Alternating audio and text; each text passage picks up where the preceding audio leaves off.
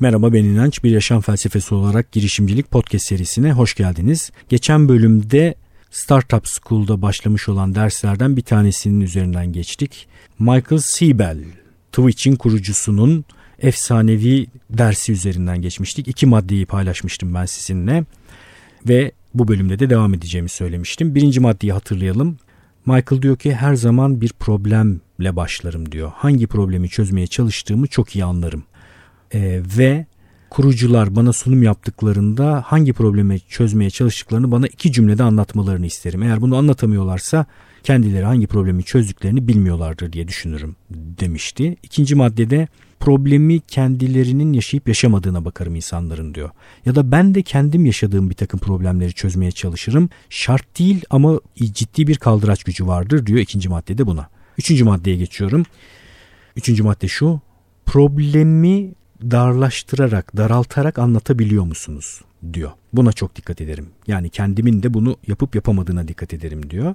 Başladığın zaman yani bir problemi çözmeye başladığın zaman herkes diyor genel olarak biraz geniş bakar meseleye diyor. Mesela Justin TV'yi kurmaya başladıklarında onlar herkesi pivot yaptıktan sonra herkesin yayın yapması üzerine bu problemi çözmek üzerine odaklanamazdık. Daraltmamız gerekirdi. Onun için laptopu olan iyi internet bağlantısına sahip olan ve web kamerası olan insanların problemini çözmek bizim başlangıç noktamız diyor. Yani buraya kadar daraltmıştık. Laptop, iyi bir internet bağlantısı, webcam. Ben bu üçlüye sahip insanların canlı yayın yapma problemini çözüyorum. Benim problemim bu. Bu kadar daraltarak bunu söylemek gerekiyor diyor.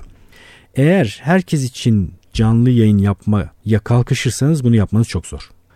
Bu nedenle ilk yapmanız gereken şey probleminizi bileceksiniz ve ilk elde ulaşıp problemin çözüleceğiniz kitleyi de daraltılmış kitleyi de bulacaksınız diyor. Çoğu zaman diyor benim deneyime dayanarak gördüğüm şey şudur. Kurucular bu adımı atlıyorlar ve mega bir problem çözmeye çalışıyorlar. Tekrar edelim. İlk elde hızlıca temas edebileceğiniz daraltılmış bir kitleye dönüştürmeniz, problemi oraya kadar daraltmanız gerekiyor. Bir sonraki madde problem çözülebilir mi? Bir de buna bakarım diyor. Bu da enteresan değil mi? Şimdi benim çok sevdiğim bir şey vardır. Ucunda soru işareti olan her şey soru demek değildir. Yani siz herhangi birisi öyle çok insan vardır. Sorar yani ucuna soru işareti koyar bir şey sorar. Sen onun ucuna soru işareti koydun diye o bir soru olmuyor.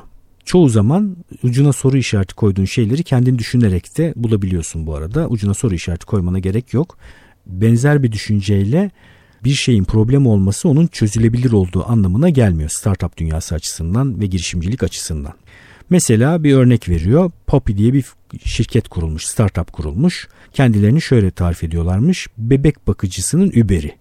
Yani Uber ne yapıyorsa biz de bebek bakıcısı açısından onu yapıyoruz diyor. Uber ne yapıyor?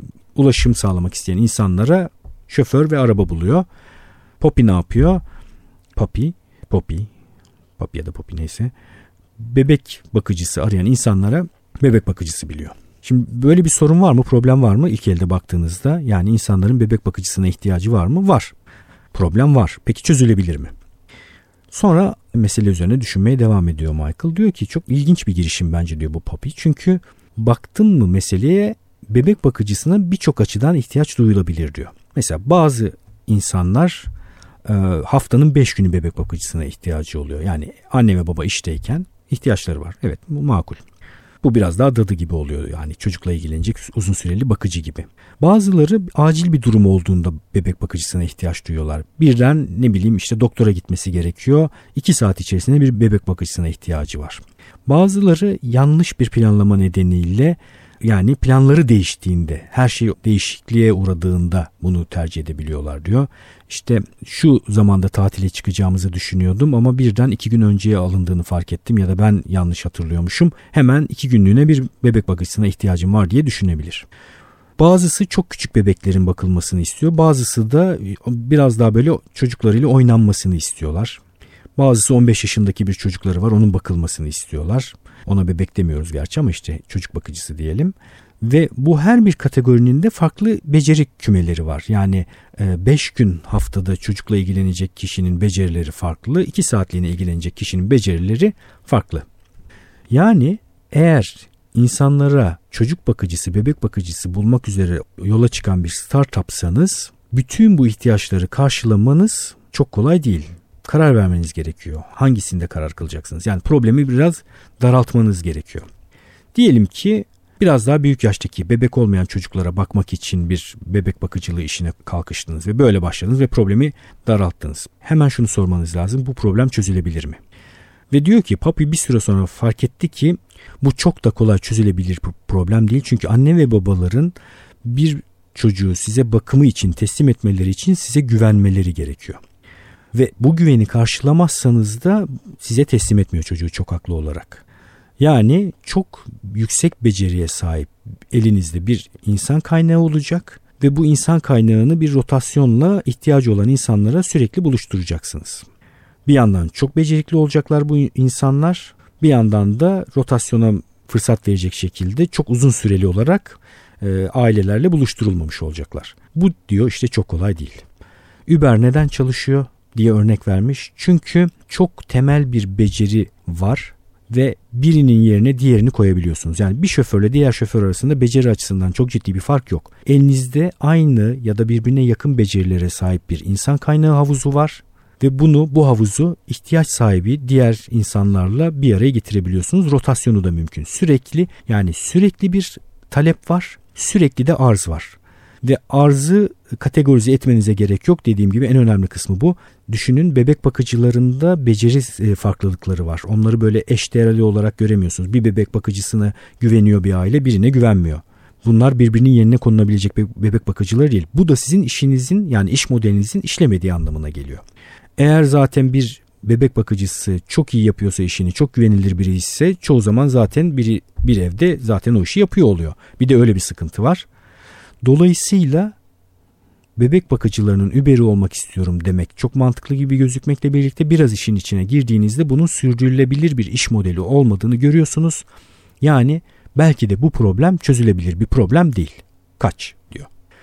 Bir sonraki kendime sorduğum soru müşterin kim? Bu soruyu sorarım diyor. Ve hangi problemi çözmeye çalıştığını anlayana kadar da bunu netleştirene kadar da kim için çözdüğünü anlaman da çok mümkün olmuyor diyor. Çoğu zaman insanlara sorduğunuzda biz herkes için çözüyoruz bu problemi. Herkes bizim müşterimiz. Satın almak isteyen herkes müşteri niye olmasın ki değil mi diyorlar. Mantıklı gözüküyor. Bu arada mantıklı gözüken hemen hemen her şey mantıksıza vuruluyor. Bir şey mantıklı gözüküyorsa bir şöyle durun. Ya da 100 kişiye sordunuz bu mantıklı mı diye 80'i mantıklı diyorsa bir dur iyice bir durun. Demek ki orada bir sıkıntı var demektir. Zaten bu yüzden sezgi karşı şeyleri ben çok seviyorum ya yani mantıklı gözükmeyen ama çok mantıklı olan şeyleri. Mesela bir sosyal ağ kuruyorsan ya da bir arama motoru yapıyorsan herkes için bu motoru herkese ulaştırmak mantıklı görünüyor değil mi? Ama ben diyor şunun daha doğru olduğunu düşünüyorum. Spesifik olarak kim olduğunu müşterinin tarif etmek daha önemli. İdeal ilk müşteriyi tarif etmek önemli. Daha sonra yavaş yavaş başka kitlelere tabii ki ulaştırabilirsiniz ürününüzü, genişletebilirsiniz, daha geniş kitlelere ulaşabilirsiniz ama problemi, daraltılmış problemi çözeceğiniz ilk müşteriyi tanıyor olmanız, biliyor olmanız çok önemli. Eğer bu soruya iyi bir cevabınız yoksa yine kayboldunuz demektir diyor. Çünkü bu soruya iyi bir cevap veremiyorsanız kimle konuşacaksınız, kimden feedback alacaksınız, problemin çözülüp çözülmediğini kime danışacaksınız, o kişiyle nasıl konuşacaksınız, bunlar konusunda hiçbir fikriniz yok. Yani konuşabileceğiniz, fikir alabileceğiniz, ürününüzle ilgili danışabileceğiniz bir ilk temel müşteri kategorisini muhakkak belirleyin yola çıkmadan önce diyor. Tekrar hatırlayalım. Probleminiz olsun. Bu problemi iki cümlede çözebiliyor olun, anlatabiliyor olun daha doğrusu. Problemi daraltın. Daraltılmış bir problem olsun. Mega bir problem çözmeye çalışmayın. Bir de kullanıcınızın kim olduğunu çok iyi anlayın. Bir sonraki soru ürün geliştirirken sorduğum kendime ne sıklıkta kullanıcı bu problemi yaşıyor? Çok enteresan değil mi? Gerçekten ne kadar tertemiz, berrak ve güçlü fikirler. Onun için heyecanlandırıyor bu içerik beni. Çok güzel. Vallahi çok iyi düşünmüş adam. Tebrikler Michael. Ne sıklıkta? Şimdi bundan ne anlıyoruz? Yine kendisi örneklendir, e, örneklendirmiş. En popüler girişim fikirlerinden birisi araba mağazası, satış mağazası, online bir web sitesi. Bu çok gelmişti bize zamanında diyor. Şimdi düşünelim diyor bu durumu. Yani bir tane online web sitesini açacağım. Ee, işte ne bileyim kitap alışverişi yapar gibi insanlar araba alışverişi yapacaklar. Başta diyor yine çok güzel gözüküyor. Yani bir problemi çözer gibi gözüküyoruz. Ama biraz baktığımızda bu başlayan şeylerin çoğu zaten battı. Niye battıklarını anlayabiliriz diyor. Çünkü bir araba satın almaya kalkışma olayının yaşanma sıklığını bir düşünün diyor. Yani bir araba satın aldıktan sonra ben bir daha ne kadar ne, ne kadar zaman sonra araba almaya kalkışacağım? Yani 5 6 7 yıl sende kalacak bu araba. Yani ikinci defa benim o sitenin müşterisi olma frekansım 7 yıl, 5 yıl gibi bir süre.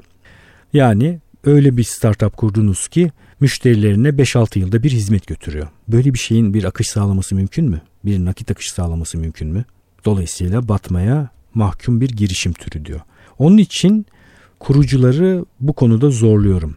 Bu üründen kim faydalanacak ve ne sıklıkta kullanacak bunu? Yine Uber örneğini düşünelim. Ne sıklıkta kullanırsınız eğer Uber kullanıyorsanız? Her gün bile kullanabilirsiniz. Günde birkaç defa kullanırsınız. Yani çok sık bir şekilde o hizmete ihtiyacınız var. Onun için iyi bir iş modeli. Ama arada bir mesela şu bir başka örnek verelim. Okullara kayıtlar oluyor her sene ve veliler okullarla ilgili bir takım bilgilere ulaşmak istiyorlar. Diyelim ki böyle bir hizmet vermeye başladınız. Yani okulları puanlandırdınız, e, okulları velilere anlatıyorsunuz, avantajlarını, dezavantajlarını gö- gösteriyorsunuz ve bunu bir web sitesi üzerinden yapıyorsunuz. Çok mantıklı bir fikir ama yılda bir defa kullanılıyor. Yine işlemesi çok zor bir model. Hangi sıklıkta bu problemi yaşadığı insanların önemli. Bir sonraki soru sorduğum diyor. Ne yoğunlukta bu problemi yaşıyorum? Benim problemim ise ya da müşterim ne yoğunlukta yaşıyor bu problemi? Çoğu zaman diyor kurucular çok iyi bir fikirleri olduğunu düşünüyorlar. Ama bu ne sıklıkta bu problem yaşanıyor ve hangi yoğunlukta yaşanıyor analizini yapmadıkları için hem sıklıkla yaşanmayan hem düşük yoğunluklu bir problemi çözmeye çalışıyorsun. Yani problemlere baktığımızda diğer bütün şeyleri eşit şartlar altında kabul edecek olursak yüksek frekansa sahip, sıklıkla karşılaşılan ve yüksek yoğunluktaki problemleri tercih etmek daha önemlidir diyor. Yine yine Uber'den var. Uber de gerçekten çok iyi bir iş modeli bu arada ya. Onun için tekrar Uber'den bahsetmiş. Uber'den bahsedelim demiş mesela. Yani ne zaman ihtiyacım var? Bir yerden bir yere gitmek istediğin zaman. Yoğun bir problem midir? Evet doktora gitmem lazım, işe gitmem lazım, çocuklarımı bir yerden alıp bir yere götürmem lazım. Yoğundan kasıt şu yani çözülse de olur çözülmese de olur tarzı bir problem değil. Yoğun, yoğun önemli diyelim. Intensity demiş yoğunluk da ama önemli de diyebiliriz buna. Yoğunluk, yakıcılık, yakıcı bir problem. Yani ya çözülse de olur, çözülmesi de olur bir problem değil. Yani benim bir şekilde Uber'le ya da Uber'siz bir yerden bir noktadan bir noktaya gitmem lazım. Sıklık var mı? Çok sık. Her gün ya da günde defalarca ve bir sürü insan tarafından e, iyi bir işin üzerindesin. Yani bulunduğun iş iyi bir iş demektir eğer bu şeyleri sağlıyorsa. Zaten Michael şey demiş bu arada yani o kadar on binlerce lirayı harcamazdın eğer zaten böyle bir problem olmasaydı. Kendine araba satın alıyorsun değil mi sonuçta? Son olarak baktığım şey şu, şu demiş. Ödeme yönünde bir iştahları var mı müşterilerin? Daha önce bundan bahsetmiştim. Bazı durumlarda da problemi çözseniz bile insanlar buna para vermek gibi bir ihtiyaçları yani para verme e, motivasyonuna sahip olmayabiliyorlar. Bunu çözmek için kurucular ücretsiz başlatıp daha sonra paralıya çeviririm diyorlar diyor ama bunu hiç önermiyor. Ben de önermiyorum bu arada. Eğer ücretli bir hizmetiniz olacaksa bu iş en başından itibaren bir ölçüde ücretli olmalı. Başta ücretsiz başlarım sonra ücretliye çeviririm. İşleyen modeller olmakla birlikte daha zor öyle diyelim. Yani tabii ki belli bir kitleye ulaştıktan sonra çok büyüdükten sonra mesela Dropbox'a Dropbox bir örnek olabilir. Önce referans sistemiyle çok ciddi anlamda büyüdü. Oluşturmuş olduğu değeri insanlara gösterdi. Ondan sonra da bir premium hizmet koydu. Artık premium hizmeti satın alan insanlar da oldu. Dolayısıyla e, tamamen çalışmıyor değil ama önermediği bir şey Michael'ın. Ben de önermiyorum. Onun için bir girişime kalkışırken insanların bu problemlerinin çözülmesi için size para ödemeye hazır olup olmadığına da bakmanız ve bunu sorgulamanız gerekiyor. Son olarak şuna bakarım demiş. Bu arada bir öncekini son olarak şuna bakarım demişti. Demek ki konuşurken aklına geldiği için yine bunu söylemiş. Ben transkripti üzerinden yani video konuşmasının metne dökülmüş, dökülmüş hali üzerinden gidiyorum şu anda. Son olarak baktığım şey şu. Sizi müşterilerin bulması ne kadar kolay. Of bu benim hep bahsettiğim söylediğim dağıtım problemi. Bence en kavranması, idrak edilmesi önemli noktalardan birisi bu. Çünkü en sezgi karşıtı olan şeylerden birisi bu. İyi bir fikir var, muhteşem bir ürün var, hiç önemi yok. Bunu anlamıyor insanlar, zor anlıyorlar. Gibi hepimiz, ben de. Tekrar tekrar kendimizi hatırlatmamız gerekiyor. Rafa nasıl koyacaksın? İnsanların cep telefonuna o uygulamayı nasıl indirteceksin?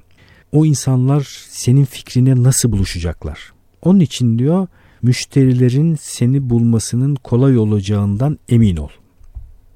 Mesela diyor B2B şirketiysen B2B nedir? Business to business yani kurumdan kuruma bir takım işler. Ee, bir kurumun başka bir kuruma hizmet vermesi. Mesela diyor Amerika örneğini vermiş bir B2B şirketiysen kurumdan kuruma satış yapıyorsan LinkedIn'e girersin kurumların e, bağlantılarını kişilerini bulursun ve oradan müşterilerine ulaşabilirsin. Ulaşılabilir bir kanaldır. Bin tane e-posta bulursun haftada sonra o bin kişiden e, yüzü sana döner sonra bir iş yapmaya başlayabilirsin diyor.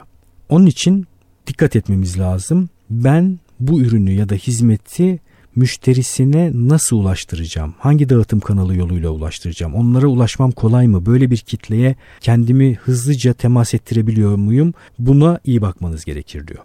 Bir tane daha madde eklemiş. Ama son söyleyeceğim bu dememiş bu sefer.